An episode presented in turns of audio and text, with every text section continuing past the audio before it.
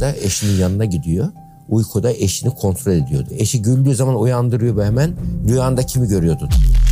bir kimseye konuşuyorsunuz. Şöyle bir tebessüm etti bir söylediğim bir lafa. Halbuki sen aklından başka bir şey geçtiğinde ona tebessüm ediyorsun. O orada ona takar hemen. İşte bak bu bana güldü. Uzaktan 2-3 kişi konuşsa bak benim hakkımda konuşuyorlardı. Hemen senaryo yazmaya başlar. Eşi yine telefonla ilacı kesti. Neden kesti diye aradım söyledim. Dedi ki ya bir ilaç alınca ben bağırıp çağıramıyorum. Bağırıp çağırmayınca kendimi kadın gibi hissediyorum dedi. Düşün yani ben size bir itirafta bulunacağım dedi. Ve ben onlara çocuklarıma tapıyormuşum onu anladım dedi. Ve onları Allah'tan daha çok seviyormuşum dedi. Ya benimsin ya toprağımsın diyen anlayış var ya. E benim eşim değilsen sen hiç kimsenin olamazsın der. Eşini de öldürür kendini de öldürür. Şiddet diye gazeteye yansıyan vakalar çok klinik vaka.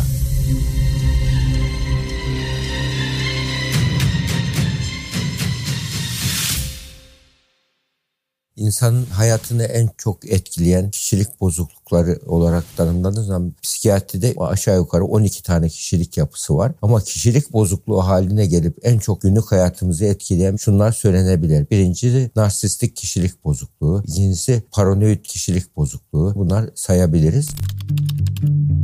Mesela kişilik yapısıyla kişilik bozukluğunun farkı şudur. Narsist özellikler var bende. Bundan memnun değilim. Bunu düzelmesini istiyorum ve bununla mücadelemde bu kişilik yapısıdır. %50 farkına varması demek %50 çözüm demektir. Kişilik bozukluğu olan kişilerde bu kişiler yaşadıklarının kendileri için sorun olmadığını düşünürler. Kişiler narsistik kişidirler ama bu kişilik özelliklerinin narsist olduklarına ilgili farkındalıkları yoktur. O zaman kişilik bozukluğu diyoruz. O zaman artık bir klinik klinik tanı alıyor kişiler. Narsizmin salgın halinde artıyor. Dünya Sağlık Örgütü gelecekle ilgili üç tehlikeli alan belirliyor. Birisi küresel eşitsizlik, ikincisi iklim değişikliği, üçüncüsü de yalnızlık diyor da yalnızlığa sebep olan da narsizm. Batı dünyasının hastalığı şu anda. Kişilik bozukluğu haline gelmiş narsizmde neler vardır? Bu kişilerin zihinsel uğraşları nelerdir? Mesela bu kişiler kendilerinin büyüklük duygusu, üstünlük duygusu ile ilgili sürekli bir düşünce ve anlayış ve yargı içindedir kendileriyle ilgili. Yani kendilerinin önemli, üstün, değerli olduklarıyla ilgili grandiyozitesi dediğimiz büyüklük duyguları vardır kişilerde. Bu büyüklük duygularından sonra bu kişilerin diğer bir e, özellikleri de bu kişiler empati yoksunudurlar. Karşı tarafın duygularını, ihtiyaçlarını, isteklerini okuyamazlar, anlayamazlar. Mesela bir çocuk diyelim bir ergende plastik tabanca alır. Yoldan geçerken bir hanımefendi onunla canını acıtır, bağırtırır. Bunu kayda çeker, seyreder, mutlu olur. Bu narsizmin tipik özellikten birisidir. Mesela başka bir kişi de şu olabilir. Kendisinin e, saçını para rule yapar. Devamlı kendisini öven görseller paylaşır. Mesela günde 3 taneden fazla bir insan kendini öven görsel paylaşırsa bu Amerika Psikoloji Birliği tarafından narsizmin kanıtı olarak kabul ediliyor. Bu kendini sergileme duygusu insanın. Devamlı sağa baktım poz, ne yedim poz. Bunun dozunu kaçtığı zaman bu e, narsizmin tipik örüntüsü oluyor ve burada tamamen özel yaşantısını olduğu gibi paylaşır. Çocuklarının görüntülerini öylece paylaşır. Müzikte, dansta makyaj yapar ya da e, Photoshop'la kendini değiştirir, paylaşır ve bununla belki yüz binlerce izleme alır. Ben takip ediliyorum, beğeniliyorum zanneder. Aslında insanlar onunla alay ediyorlardır. Bunun farkında değil ve bu şekilde kendini sergileme tuzağına düşer. Kendini sergileme narsistlerin en büyük özellikleridir. İyilik yapsalar bile göstere göstere yaparlar. Mesela narsist birisi bakıyor bir toplantıya gidiyor. Toplantıda her çok mütevazi insanlar dolu. Öyle bir mütevazi konuşmalar yapıyor ki arkadaşlar şaşırıyor ya sen böyle hiç böyle mütevazi konuşmazdın, davranmazdın. Niye böyle yaptın? E bu, burada mütevazi olunca alkış alıyorum onun için diyor. Yani mütevazilik rolü de oynarlar hedeflerine ulaşmak için. Narsist insanların hedeflerine ulaşmak için her yolu denemeleri mübahtır. Adalet odaklı sistemden uzaklaşır narsist kişiler. Mesela narsist bir kimse anne veya baba diyelim. O evde herkes onu dinlemeli. Hiç kimse onun söylediğinin farklı fikrini söylememeli. Böyle bir anne ve böyle bir baba varsa çocuklar onlara geçici olarak itaat ederler. Fakat ilk özgürlüklerini aldığı zaman anne ve babasına karşıt olurlar. Yahut da anne babalarının istediklerinin tam tersi tersini yaparak onları kızdırırlar, zevk alırlar. Böyle bakıyorsunuz anne baba narsist ve narsistliğinin farkında değil. Mesela bir anne diyorsa bunu yapmazsan seni sevmem diyorsa ve sevgisini sopa gibi kullanıyorsa bu da bir narsistik bir işarettir. Farkında olmadan annenin yaptığı. Yani hedefine ulaşmak için çıkar odaklı yaşam felsefeler vardır narsistlerin. Çıkara ulaşmak için her şey serbest olarak düşünürler. Bir diğer özelliklerde narsist kişilerin engelleri tehdit olarak görürler. Hedeflerine ulaşmak için birisi hayır dediği zaman ona farklı düşündüğü zaman tehdit olarak görürler ve tehdit olarak gördükleri için ya bendensin ya benim karşımsın diye bir atı şahıslarına uygularlar. Mesela bir liderlikte bir anne de bir liderdir, baba da liderdir. Liderde narsistik özellikler varsa ora eleştiriye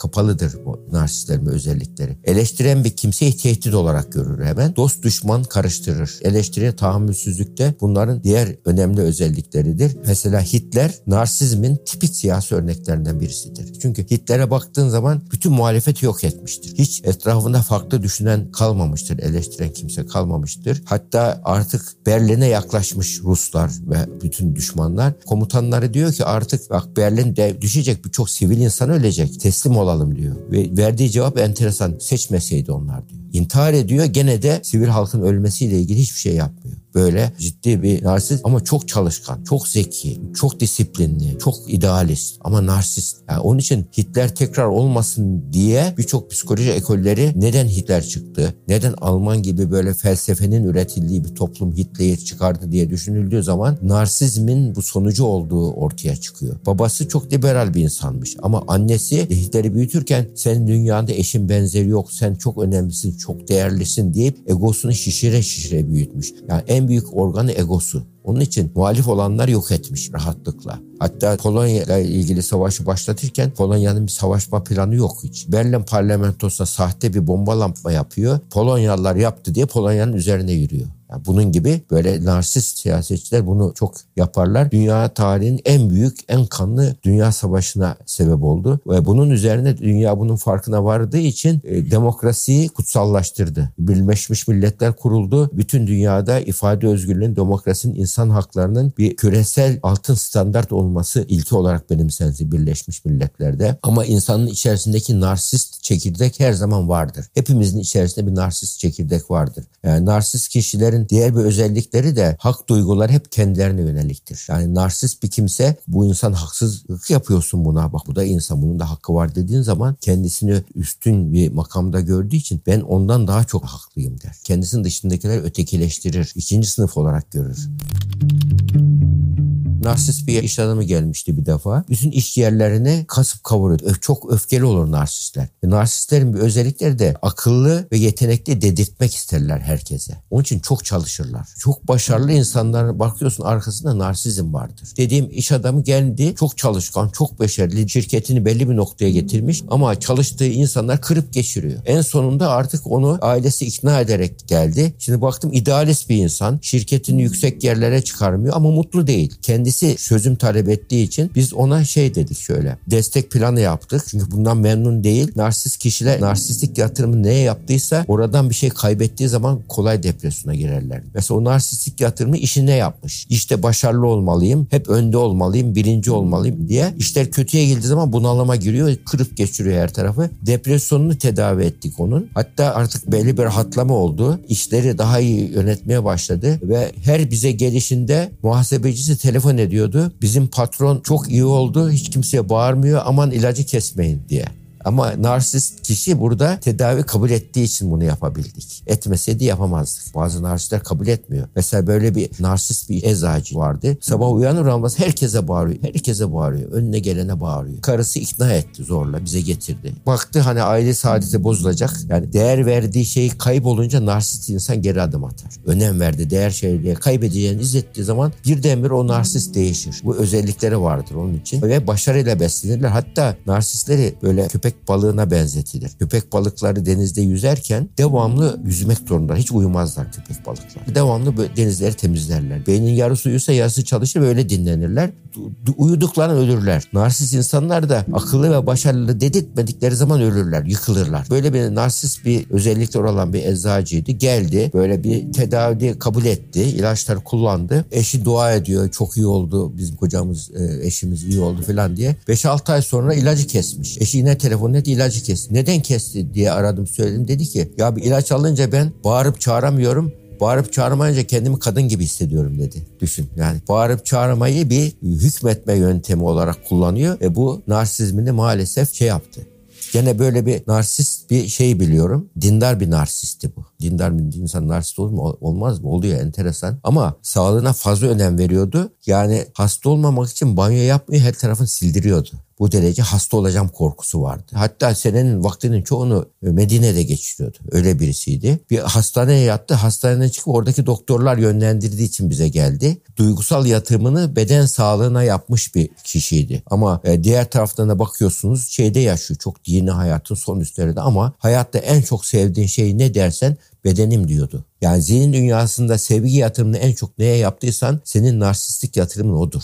O geldiğinde biz baktık narsistik özellikleri var. Sen psikiyatrik hastasın desen katiyen ilaç almayacak. Unutkanlık yakınmasıyla geldi bize. Unutkanlığı bir Alzheimer'a bağlı değildi depresyona sekonder bir unutkanlıktı. Narsizme bağlı depresyona girmişti. Her şeyi kontrol etmek istiyor narsist kişilerin özellikleri. Her şey benim kontrolümde olsun. Her şeye ben hükmetmeliyim. Hep benim dediğim olmalı tarzında aşırı kontrol duygusu vardır. Daha sonra ilacı verdik. Çok rahatladı. Yakınlar telefon etti rahatladı. Daha sonra bir eczaneye gitmiş. Ya sen bunu unutkanlık ilacı alıyorsun ama bu depresyon ilacı demiş. Onun üzerine kesmesi eski ilacı ve ilacı kestikten kısa süre sonra ölüm haberini aldık.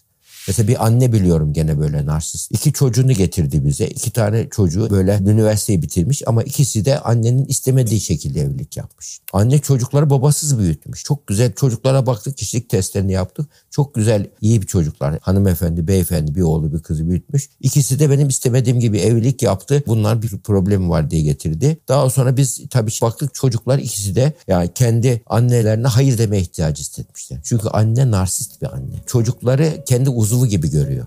Narsist insan ailesini kendi kolu bacağı gibi görür. Otur otur, yat yat, kalk kalk. Köle efendi ilişkisinde ister insanları. Hayır dendiği zaman da müthiş rahatsız olur. O anne mesela çok seviyor çocuklarını ama çok kontrol ediyor. Ve çok kontrol ediyor. Gece çocukların uykusal nefesini bile kontrol etmiş. Bir şey oldu, hasta oldu mu olmadı mı?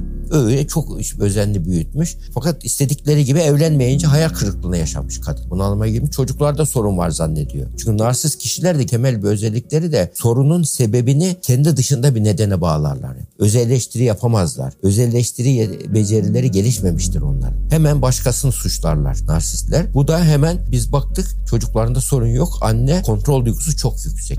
Müdahalecilik seviyesi çok yüksek. Hatta böyle annelere biz işgalci anne diyoruz. Devamlı çocuğun etrafında. Çocuğun her şeyini denetlemek, kontrol etmek istiyor. Böyle bir anne fakat çok iyi niyetli olduğu için anne daha sonra geldi ben size bir itirafta bulunacağım dedi. Aslında çok güzel çocuk yetiştirdiğimi anladım dedi sayenizde dedi. Fakat dedim ben onlara tapıyormuşum. Çocuklarıma tapıyormuşum onu anladım dedi. Ve onları Allah'tan daha çok seviyormuşum dedi. E, ve benim bunun farkına varmamı sağladığınız için teşekkür etti. Çocuklarıma tapıyormuşum diyor. Bak. İnsanın taptığı şey neyse narsistik yatırımını ona yapmıştır. Bak bu parayı olduğu gibi makama da oluyor, iktidara da oluyor, şehvete de oluyor, şöhrete de oluyor, her şey oluyor. Onun için biz narsistik yatırımımızı yani sevgi yatırımımızı neye yaptıysak kutsalımız odur. Ailede hangi konu konuşuluyorsa kutsalımız odur. Narsizmin tedavisinde birinci basamak farkındalıktır. Kişi böyle yaşamaya devam ederse neler kaybedeceğinin farkına varmasıdır. Narsistlerin bir özellikle övgüyle beslenirler. Bir soru sorarlar toplum içinde. Sordukları sorunun içerisinde ki aslında sorunun yüzde sekseni kendinin yaptığı güzel şeyleri anlatmakla geçer. Sonunda soru sorarlar. Yani sordukları sorularla bile kendi propagandasını yaparlar. Övülmedikleri zaman sudan çıkmış balık gibi olurlar. Narsist bir insanı övdüğün zaman o seni esir almış olur narsist insan. Onun için narsist insanların kişiliğini övmeyeceksiniz. Övülecekse bile davranış ve çabalarını öveceksiniz onlar. Ya ama kişiliğinde de yanlış varsa narsizme yapılacak en büyük iyilik, başkalarının yapacağı en büyük iyilik ona gerekçeleriyle birlikte hayır demek. Birinci derece yakınlarında, eşten, çocuklarda mesela evde bu olay çıkarıyor, problem çıkarıyor. Eşi böyle durumda o da ona bağırırsa narsizmle savaşa girdiğiniz zaman narsizmler acımasızca ezer sizi. Narsizm düşünen beyinlerini kullanamaz onlar. Hisseden beyinlerini kullanıyorlar. Narsist kişiyle mücadele ederken onun savaş kuralları orman kanunlarıdır. Güçlü olan haklıdır. Senin kanunların orman kanunu olmamalı. Olursa güç savaşları olur. Güçlü zayıfı ezer. Sen düşünen beynini kullanacaksın. Senin savaş stratejin düşünen beyin olacak. Düşünen beyni bağırıp çağıran bir kimseyle karşılaştıysan sen diyeceksin ki eşin mesela bağırıp çağırıyor. Ben seni anlamak istiyorum. Biraz yavaş konuşur musun derse yavaş bağırmak mümkün olmadığından o birdenbire düşünen beynini devreye sokacak. Tak senin savaş stratejine gelmiş olacak. Düşünmeye başladığı zaman sen bak sen iyi bir insansın ama şu şu, şu gerekçelerle bu yaptığın yanlış dediğimiz an onu kendi savaş stratejimize soktuğumuz için onu üzerinde liderliğimizi, psikolojik üstünlüğümüzü sağlamış oluruz. O için narsist kişilerin üzerinde psikolojik üstünlüğü sağlamak için onlara gerekçeleriyle birlikte yaklaşmak gerekiyor bağırıp çağırdığı zaman eğer bu şekilde stratejiyle onlar konuşulabilecek bir alana çekiliyorsa konuşulabilir. Konuşulacak bir alana çekilmiyorsa şöyle denir. Bak şu anda çok bağırıp çağırıyorsun. Şu anda hislerinle hareket ediyorsun ama senin bu yaptığını onaylamıyorum. Bu konuyu daha sonra konuşalım deyip o odadan başka odaya hicret edeceksiniz. Bunu yaptığınız zaman narsizmin öfkesi geçtiği zaman ona hayır dendiği için, gerekçeleri bir hayır dendiği için özelleştiri yapma şeyi çıkar ortaya.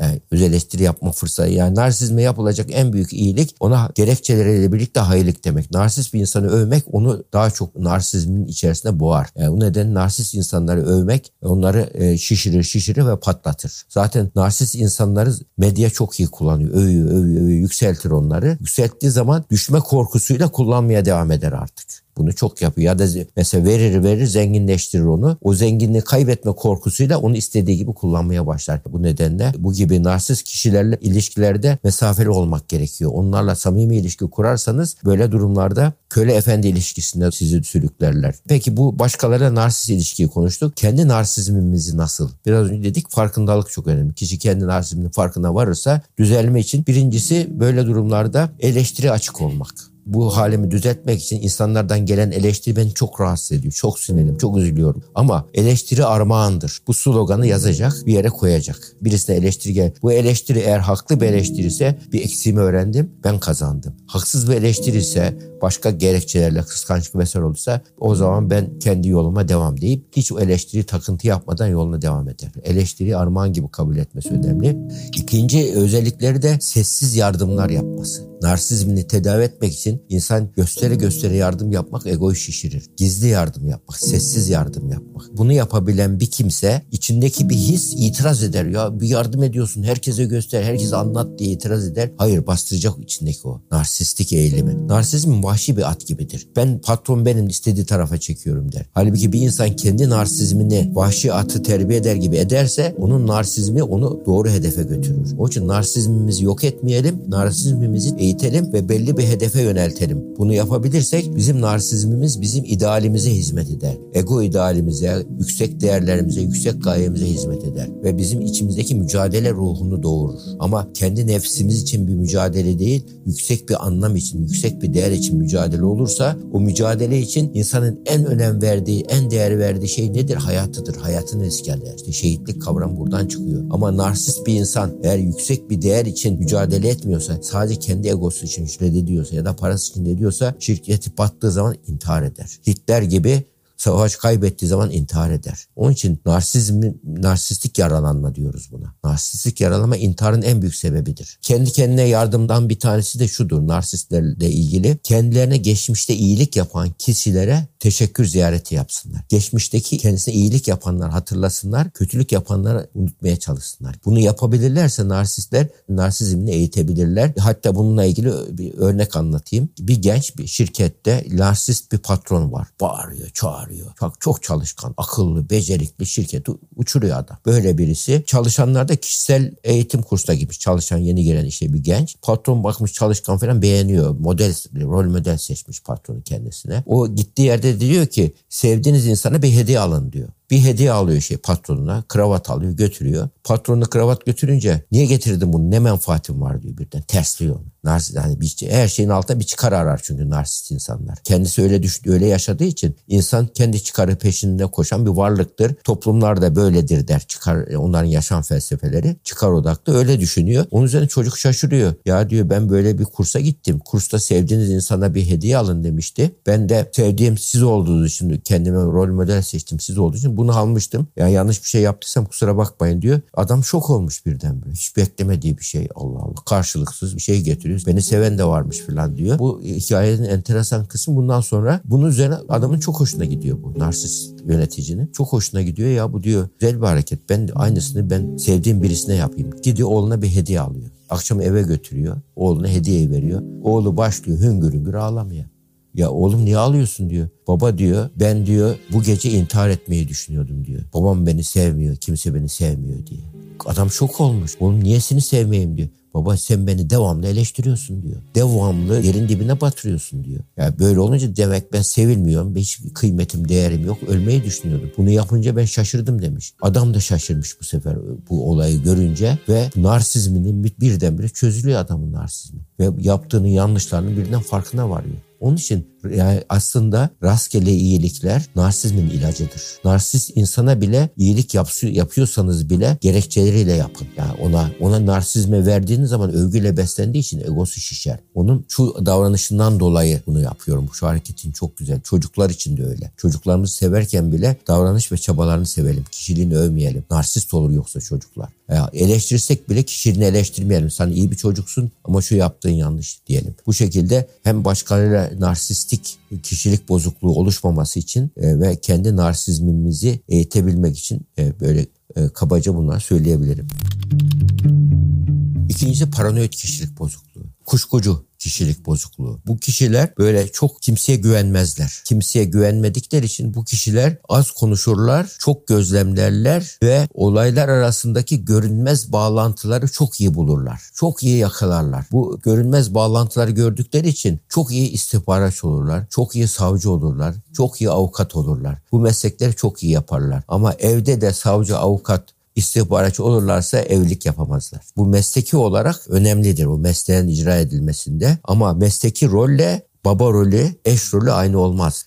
Ama birçok savcı evde de savcı oluyor. Birçok polis şefi evde de polis şefi oluyor. Evdekiler müthiş bir zulüm olur, zalimlik olur. O kişilerin mesleğinde kuşku esastır, güven istisnadır. Ama yakın ilişki yaşantılarda, birinci derece yakın aile, akraba ilişkilerde güven esas, kuşku istisnadır. İş arkadaşlarında, çalıştığın kişilerle ilgilerde. Ama paranoid kişilerde her zaman kuşku esas güven istisnadır. Bir insan güvenir olduğunu kanıtlarsa ancak ona güvenirler. O da ancak nedir? Müthiş sadakat testleri yaparlar. Mesela eşini kızdırır, kızdırır, bağırtırır ve onu test eder. En sinirlendiği zaman insan en sakladığı şeyi söyler ya, test eder, bağırtırır paranoid bir eşse o durumda bıktım senden zaten derse bak zaten beni sevmiyormuş, istemiyormuş der ardı. İşte o lafını alır, devamlı gagalar ondan sonra o lafıyla. Devamlı onun üzerine gider. Sen zaten bunu demiştin der. İnsanların içindeki en kötüyü ortaya çıkartmakta çok ustadırlar. Çok becerilidirler. Yani bu konuda çok kuşkucu oldukları için kolay kolay dostla düşmanı karıştırırlar. Yani her gördüklerini önce düşman kabul ederler, tehdit kabul ederler. Onunla yakın ilişki belli bir şeyden sonra ha bu dostmuş ya derler. E bunun için paranoid kişiler söyledikleri her şeyin aleyhlerinde delil olabileceğini düşündükleri için e hep dinlerler, konuşmazlar.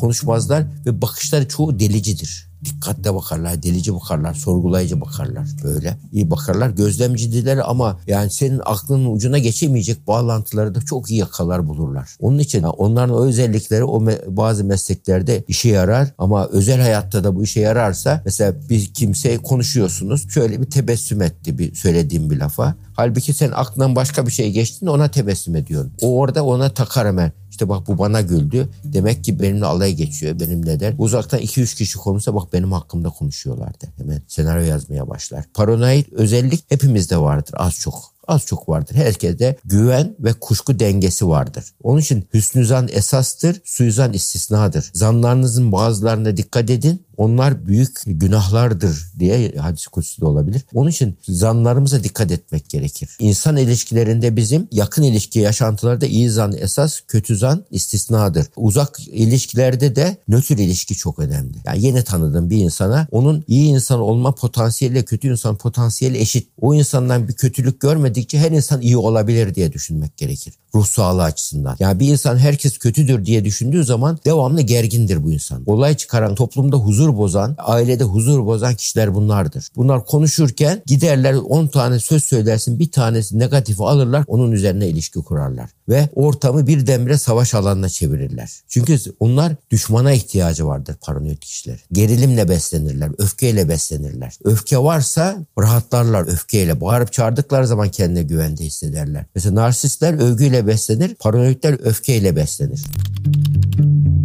Öfkeyle beslenenlerin tedavisi tabi paranoid kişi farkına varsa 150 tedavi demektir. Ya ben böyle e, eşimden bile kuşkulanıyorum, telefonunu kontrol ediyorum dediği zaman böyle durumda paranoid kişilerin yakınlarıyla biz temasta eşiniz bak kuşkucu bir tip, kıskançlık paranoyası var onda. Eşine şaka bile olsa beyaz yalan söylemeyeceksin. Beyaz yalan söylediğin an o hemen rahatlıkla onu alır oradan bir senaryo yazar kafana. Çünkü paranoid kişilerin çok iyi özellikleri çok iyi senaryo yazarlar. Bağlantılar kurarlar, senaryo, komplo senaryoları yazarlar. Komplo senaryolarına inanan insanlara bakın çoğu paranoid kişiliklerdir.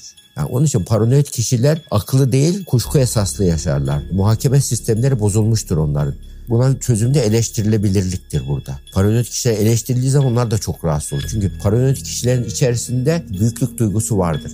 Ben ve önemli bir insanım. Ben hatalı olamam. O başkalar hatalıdır. Yani gene büyüklük duygusu var bak. Olayın sebebini kendilerinde bulamazlar. Başkalarında bulurlar ve başkalarını kolayca suçlarlar. Ve mesela evliliği yürütemezler. Yani devamlı test ederler eşin. Ben aniden eve baskın yapan eşler vardır. Mesela aldatıyorum beni diye. Mesela eğer kadın kıskançsa erkek eve geldiği zaman telefonun şifresini kapıyorsa kıskançlık paranoyası varsa sorun çıkar orada. Mesela kıskançlık paranoyası olan bir vaka biliyorum ben. Erkek vakaydı. Gece iki buçuk üç civarında eşinin yanına gidiyor uykuda eşini kontrol ediyordu. Eşi güldüğü zaman uyandırıyor ve hemen rüyanda kimi görüyordun? Ve bu kişi tedavi kabul etmedi. Boşandılar. Boşanma davasında beni tanık yazdılar. Orada da anlattım. Bu olayı hakim gülmeye başladı. Ama gerçek. Yani kızın suçu yoktu. Yani böyle bir kıskançlık ve bu şekilde e, bir evliliği bitirmişti. Yani kıskançlık paranoyası olduğu gibi düşmanlık paranoyası da vardır. Onun ileri boyutu olan paranoid şizofrenidir. En ileri boyutu. Paranoid şizofrenleri kendisini, çocuklarını öldürür, ailesi en sonunda kendini de öldürür. O vakaların çoğu paranoid şizofren vakalardır. Mesela ya benimsin ya toprağımsın diyen anlayış var ya. E, benim eşim değilsen sen hiç kimsenin olamazsın der. Eşini de öldürür, kendini de öldürür. Şiddet diye gazeteye yansıyan vakaların çoğu klinik vaka.